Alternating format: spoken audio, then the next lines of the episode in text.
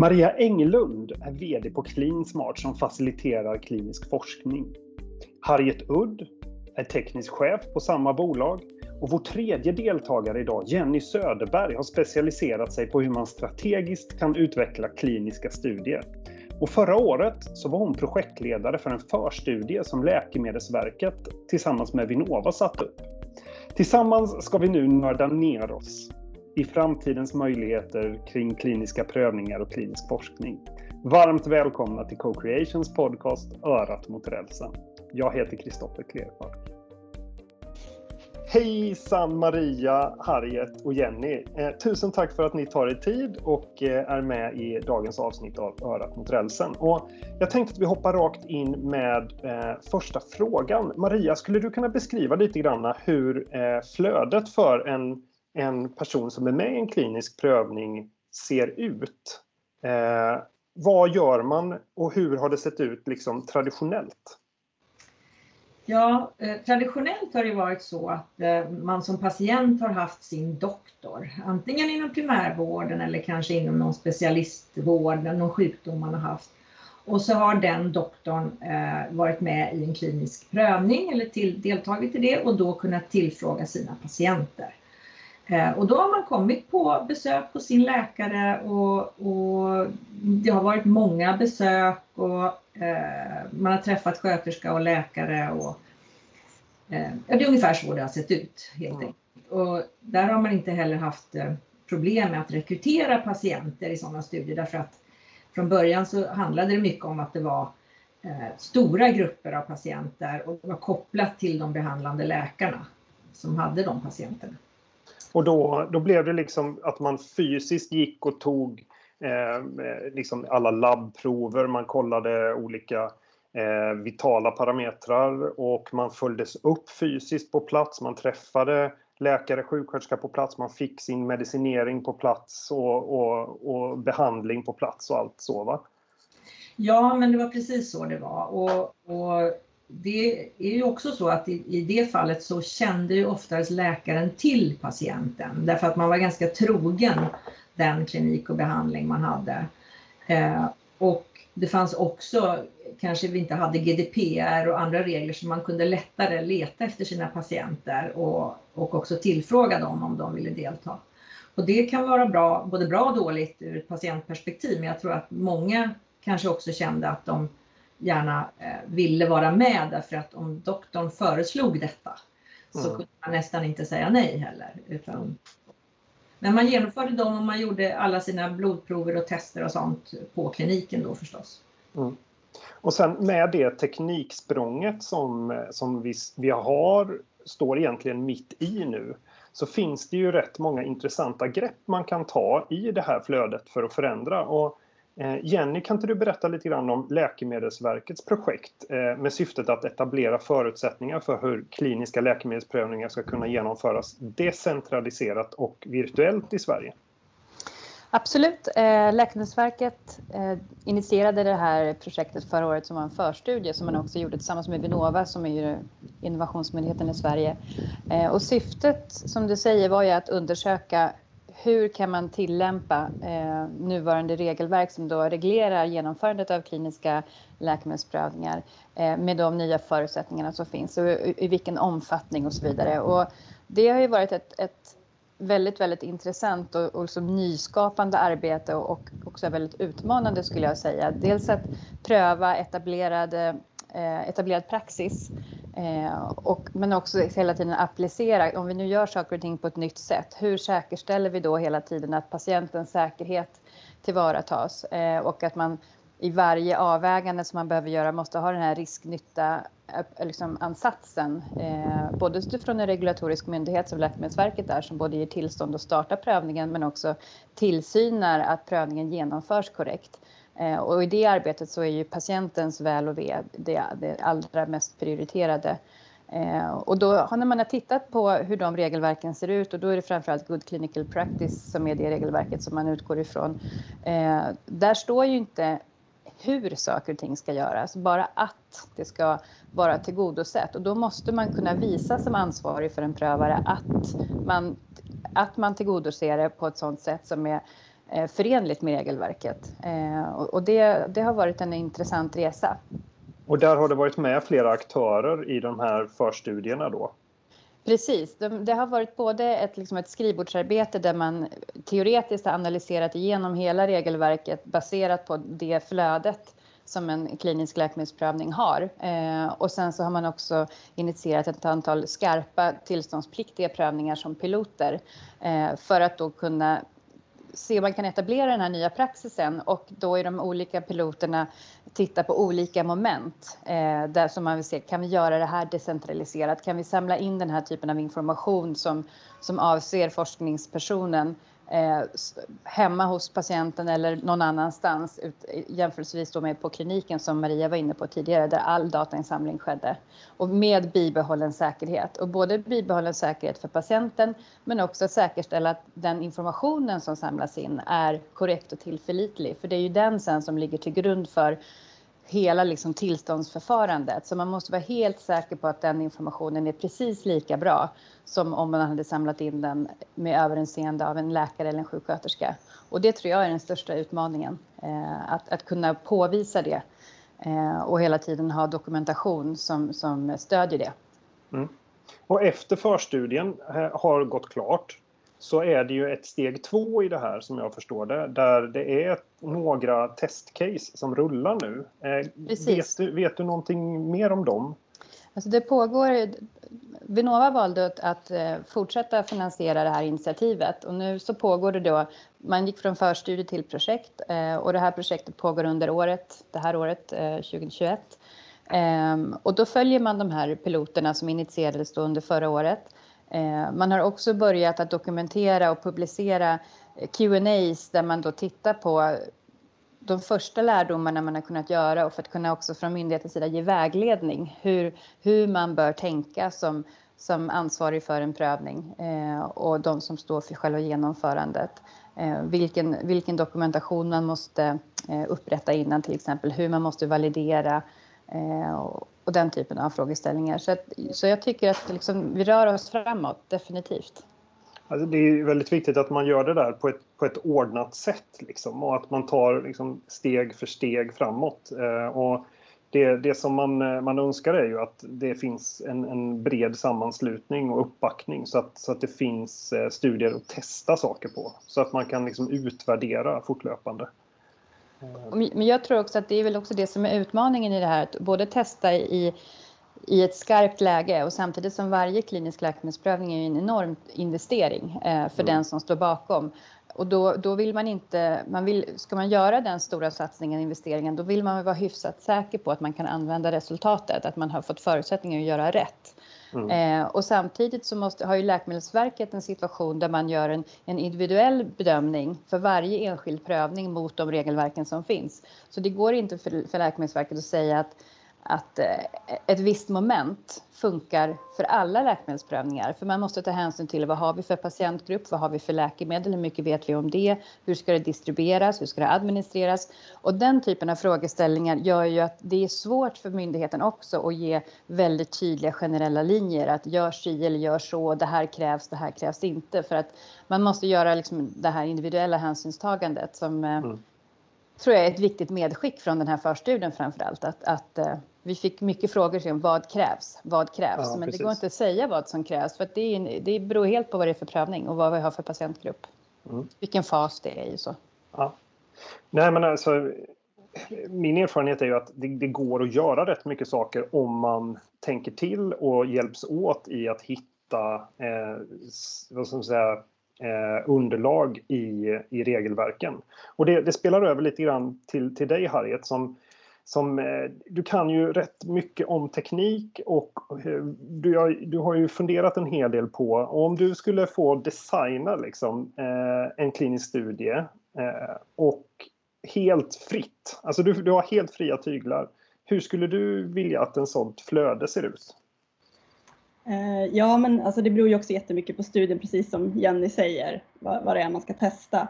Och I väldigt många fall så blir det nog ändå en hybridstudie där man kanske eh, gör det mesta virtuellt, men det kanske behövs något fysiskt besök, särskilt om det är en läkemedelsstudie. Men många andra typer av studier går ju att göra helt virtuella. Så då, då skulle jag nog börja med att sätta upp en, en webbenkät eh, där då deltagarna som man då kan hitta över hela landet för ett sajt, ett virtuellt sajt kan ju ta in då deltagare i hela Sverige egentligen. Eh, där de då kan preskrina sig själva för att se om de passar för studien.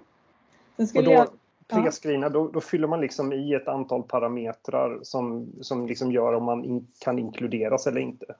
Precis, precis, man mm. svarar på ett antal frågor eh, mm. som har inklusion och exklusionskriterier för studien för att se om man mm. passar.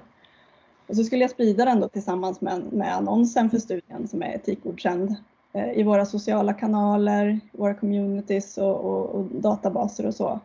Eh, och jobba ganska mycket med målgruppsanpassning Eh, för att liksom verkligen ringa in de här målgrupperna som kan vara med i studien.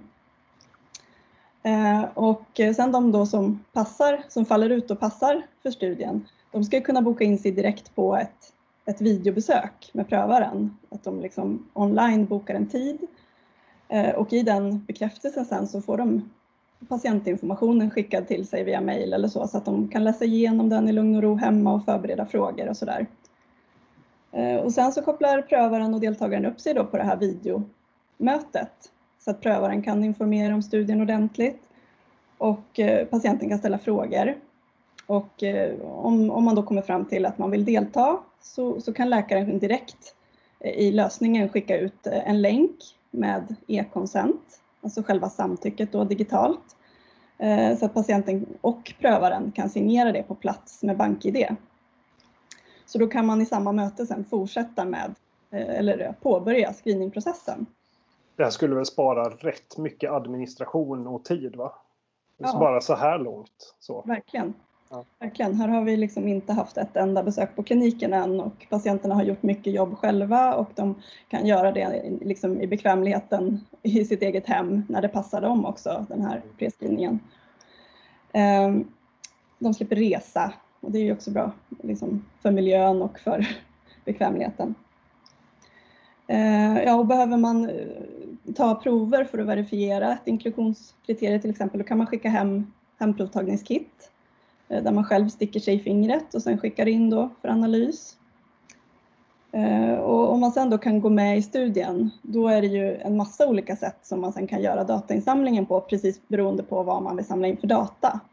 Och här är ju webbenkäter ett jättebra verktyg där man då gärna får in det direkt sen i ECRF så att man slipper ett inmatningssteg via kliniken. Och ECRF, det är, där, det, är, det är ett formulär egentligen där all data kring studien samlas kan man säga.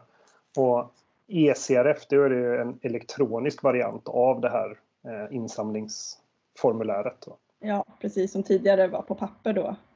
Traditionellt. Nu, nu har det blivit digitalt i, i alla studier sedan ja, många år tillbaka egentligen. Mm. Så det är väl det första steget i digitaliseringen kan man säga. Ehm, men sen kan man också ha videobesök, man kan eh, ha telefonbesök, man kan fortsätta med hemprovtagning för att samla in data kontinuerligt.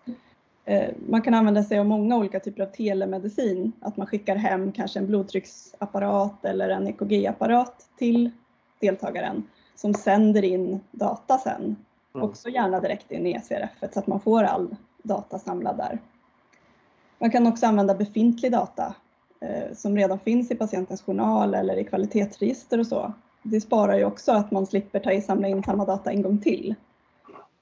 Ehm, ja, och sen eh, om man ska kvalitetssäkra och monitorera så kanske gärna monitorn vill göra det remote också. Eh, och då kan vi då se till att vi behörighetsstyr i vårt journalsystem så att monitorn kommer åt bara de journaler som gäller för den patienten i den studien. Så att man också kan göra det helt remote. Var någonstans i det här flödet ser du Maria att det liksom krockar med befintliga regelverk? Ja, alltså vi, det som vi har problem med är väl egentligen att det är svårt att skicka hem läkemedel till exempel till patienterna.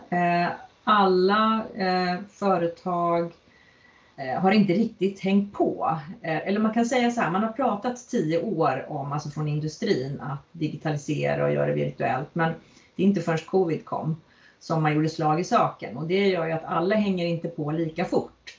Så eh, till exempel alla kan inte tänka sig att använda e-konsentlösningar och Eh, de har också olika egna kvalitetssystem företagen som krockar lite grann med de här moderna lösningarna så att innan de hinner att kvalitetssäkra om sig och vara säkra på att ändå precis som som du sa Jenny, att man, man måste ändå veta att man faktiskt får igen den här investeringen också, att man inte har samlat in data fel.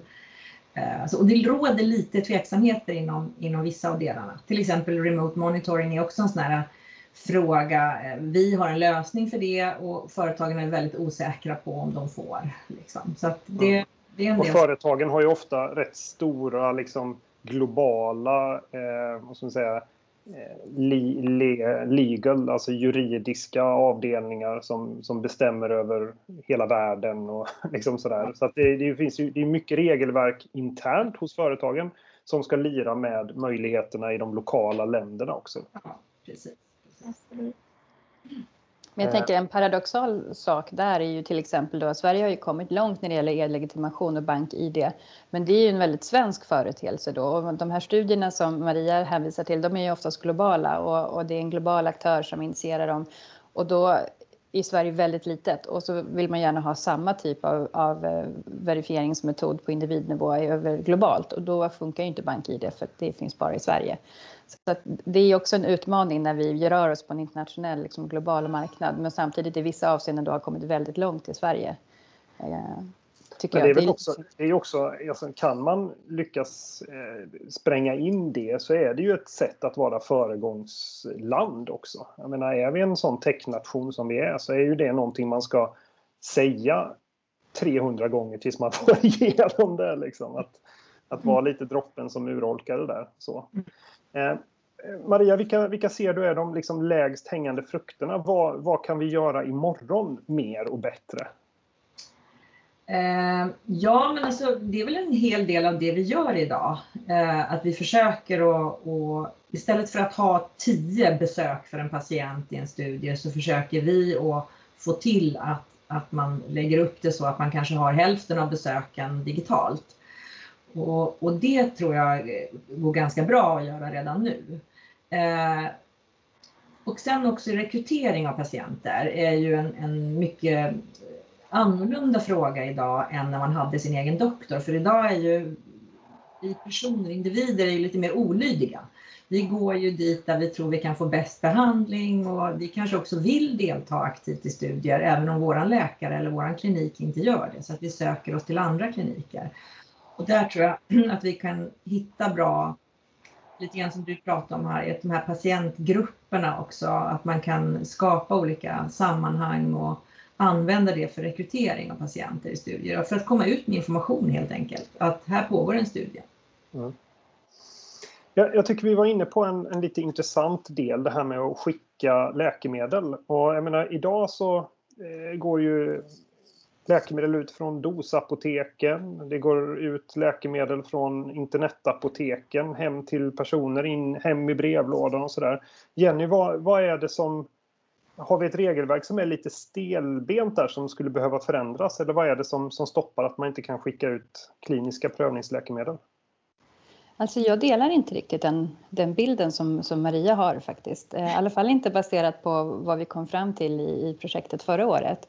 Eh, sen är det klart att vi, vi kan, det finns ju olika, alltså beredningsformen naturligtvis för vilka typer av läkemedel vi pratar om avgör ju om det är en tablettbehandling eller infusionsbehandling och hur den ska administreras och vad som igen då är lämpligt att, att distribuera ut. Men, men eh, rent säkerhetsmässigt igen då utifrån ett patientperspektiv och den farmaceutiska liksom, verifiering och validering som behövs av det här prövningsläkemedlet. Om det är en, om det är en tablettbehandling till exempel som inte kräver kylkedja och sådana saker, då kunde vi i alla fall påvisa att man kan säkra upp valideringen i alla, i alla steg och dokumentationen att det faktiskt är rätt burkpiller som, rår, som når rätt individ eh, hel, i hela den kedjan. Och då hade vi även med eh, grossisterna, alltså de stora som finns i Sverige i, i det här arbetet också, som också kunde liksom verifiera att de kan tillhandahålla den typen av kompetens som krävs för att hantera de här prövningsläkemedlen.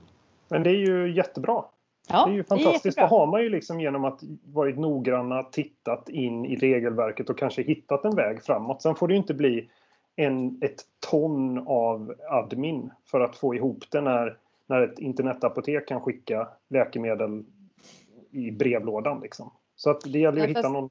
Det, men, och det är väl det som är avvägningen, att när, när, när en, en apotek, en internetleverantör på det sättet skickar ut ett, ett godkänt läkemedel, då har man inte alls samma krav på hur det läkemedlet ska hanteras. Det är väl det igen då som är den stora skillnaden när man är i en prövningsfas för ett icke godkänt läkemedel. Att, Ehm, att, att dels så finns ju igen då GCP som reglerar stenhårt, eh, läkemedelslagen reglerar också. Men sen så har ju också, som vi var inne på tidigare, bolagen har ju egna sopar och kvalitetssystem för hur man vill att, att läkemedlen ska hanteras eh, ovanpå dessutom. Så, att, så att jag skulle också vilja säga att det är inte bara liksom de regulatoriska regelverken som styr här utan det är faktiskt också bolagens egna sopar som, som lägger på en del administration och försvårar i det, i det här läget faktiskt. Mm. Eh, Harriet, jag tänkte det här med, eh, med ditt eh, vackra flöde som du, eh, som du målade upp. Vad, vad kan man tänka sig i, i en framtid? Liksom, vad, skulle det kunna gå att eh, att monitorera eh, menar, vitala parametrar. Det finns ju några sådana här tester på att om du har den här pelaren stående i ditt vardagsrum så fångar den upp eh, blodtryck och eh, hjärtslag och ter, liksom din temperatur och sådär. Ser du en framtid där, vi, där man liksom får hem ett kit om man är med i en prövning och så bara monterar man upp det i sitt vardagsrum och sen så Eh, sen så får, samlar man liksom väldigt många dataparametrar över tid. För jag menar att, att göra de här nedslagen när man fyller i formulär varje vecka kan ju bli lite trubbigt. Men om, jag menar, om du har blodtryck, puls över en lite längre kontinuitet så kan man ju faktiskt se rätt många saker. Och det mm. kanske kan öka kraften i en, i en studie. Liksom. Ja, nej, men varför inte? Det var det jag var inne på lite grann med telemedicin. Att det beror ju på vad du har för liksom, vad du har för device som sänder. Men där finns det säkert inga tekniska begränsningar egentligen. Det som är kanske begränsningen är ju mer att dels att de ska vara liksom validerade och att de ska ja, lira med regelverken och, och lira med de andra systemen i integrationer och sådana saker. Eh, men, men jag menar, det finns ju inget, inget hinder för det egentligen. Men det krävs ganska mycket kunskap kanske för att eh, både om själva mjukvara och tekniken och om regelverken för att få ihop det. Mm. Jag skulle vilja komplettera där och det som är intressant är ju att, att jag upplever inte att man är van att använda den typen av datamängd i en klinisk prövning. Det här är ett annat sätt som du är inne på Kristoffer att tänka på att man är mm. van att man har de här specifika mätpunkterna och det kan ju bli både yxigt och trubbigt i kombination. Men när du får liksom de här stora flödena över tid och kan se trender, det är ju egentligen mycket mer relevant och, och intressant. Men det finns liksom inte en en metod eller ett vedertaget sätt att ta om hand all den här informationsmängden. Vilket är synd. Nej, det är också en, en kunskap och kompetensfråga framåt. Exakt. Att man måste bli bättre på det. Och sen att vi idag också har ett antal riktigt bra kvalitetsregister och dataöar med, eh, med information. Och det finns ju några eh, riktigt fina exempel på där man har kopplat ihop det här och tagit ur liksom Eh, data eh, på ett ordnat sätt och, och, lagrat upp det i en databas för att kunna göra eh, studier kring det. Och att bli ännu duktigare på det området också så att man kan liksom parallellt verkligen få en 360-gradig bild med, med all data som den här patienten har. Eh, det, det skulle också vara väldigt intressant och, och eh, att i, som prövare också kunna i realtid följa liksom sin patient. Och eh, vad händer? Hur mår den? Är det något vi ska avbryta eller är det, är det något, går all, är allting bra? Här fick jag en varning eh, på söndag kväll om att någonting har hänt. Det är också en sån här säkerhetsaspekt som jag tycker ska liksom flytta fram, hjälpa oss att flytta fram positionerna här. Att, att om vi har väldigt bra eh, koll på vad som händer där ute så kan vi faktiskt eh, förhindra eh, en del negativa effekter av, av eh, av läkemedel också. Eh, mm. Sen är ju, eh, vad var det jag tänkte på nu? Jo, men ett, som ett litet avslutande liksom, sammanfattning så eh, om alla som jobbar inom den här sektorn med kliniska studier och kliniska läkemedelsprövningar kan hela tiden försöka tänka att ja, men hur skulle vi kunna göra det här lite annorlunda? Hur skulle vi kunna koppla på eh, någon ny teknik. Hur, hur, kan vi göra det här eh, ett steg mer digitaliserat? Eh, om alla tänker så, så skulle vi kunna eh, ta det klivet och, och, och, i alla led då. Och jag tycker det är så bra att Läkemedelsverket har det här projektet och den här liksom steg två. Eh, det är väldigt bra att, eh, att vi har eh, många duktiga prövare där ute som, som vill göra saker liksom, eh, innovativt. Vi har, ju, vi har ju varit väldigt ledande inom det här området i, i Sverige. Eh, och här kan vi nog faktiskt ta tillbaka den här ledarkappan genom att stå för digitaliseringen av det här området, tror jag. Eh, men eh, är det någonting ni vill lägga till eller dra ifrån, höll jag på att säga? är det någon, någon tanke ni har som avslutning? Jag tror som, som Harriet varit inne på att, att eh, för att etablera ny praxis eh, och, och liksom utmana regelverket men också göra det på ett ordnat sätt, då tror jag att de här hybriderna är den bästa vägen att gå. Eh, och, och, att man också är, är klok när man tänker på igen, vilka prövningar är det som, som det finns ett mervärde och en patientnytta eh, utan att göra avkall på, på datasäkerhet och så vidare. Vilka, vilka hybrider ska vi pröva det här på och på det sättet etablera ny praxis? Det tror jag är den bästa vägen än att tänka att om vi inte kan göra allting decentraliserat och virtuellt då är det inte intressant. Jag tror det ändå finns poänger eh, att minska antalet besök, att låta patienter som inte bor granne med ett universitetssjukhus kunna inkluderas i prövningar till exempel och, och, och öka möjligheterna på det sättet. Så att, så att eh, många små steg, eh, och som du säger det här med att droppen som urholkar stenen, jag tror att eh, det går absolut. Ja, men och det är precis det och det är ju så vi tänker på Clinsmart att vi mm. håller ju på precis liksom bygger upp vår verksamhet så att man ska kunna göra just hybrider mm. med hubbar runt om i Sverige så att de patienter när de är med i en läkemedels prövning faktiskt kan gå till, till närmaste hubb som är kanske ett satellitsajt till det virtuella huvudsajtet mm. och hämta då sitt läkemedel eller gå dit om man får en, en AI eller en SAE.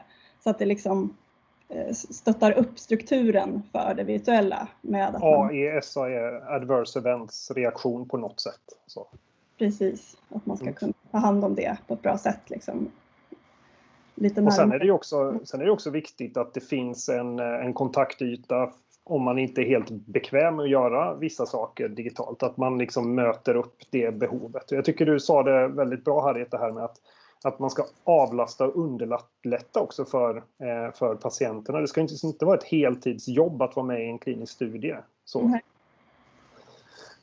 Nej, men tusen tack för att ni tog er tid i den här sommarvärmen. Vi har ju sådär 30 grader varmt eh, idag eh, och det är precis innan, eh, innan sommaren så vi har ju alla väldigt, väldigt mycket att göra. Så att jag, tusen tack! Så får det här bli eh, en, eh, får vi se om det kvalar in som eh, P1 sommarprat eller om det ligger vid sidan av. Men tusen tack allihopa och ha det så jättebra så hörs och ses vi snart. Och till alla lyssnare, om ni har något ämne som ni bara säger det här måste ni borra i, det här vill vi höra mer om, så är det bara att ni hör av er till oss. Kontaktuppgifter kommer här i slutet alldeles strax. Så tusen tack och ha en trevlig sommar allihopa. Hej då! Hej då!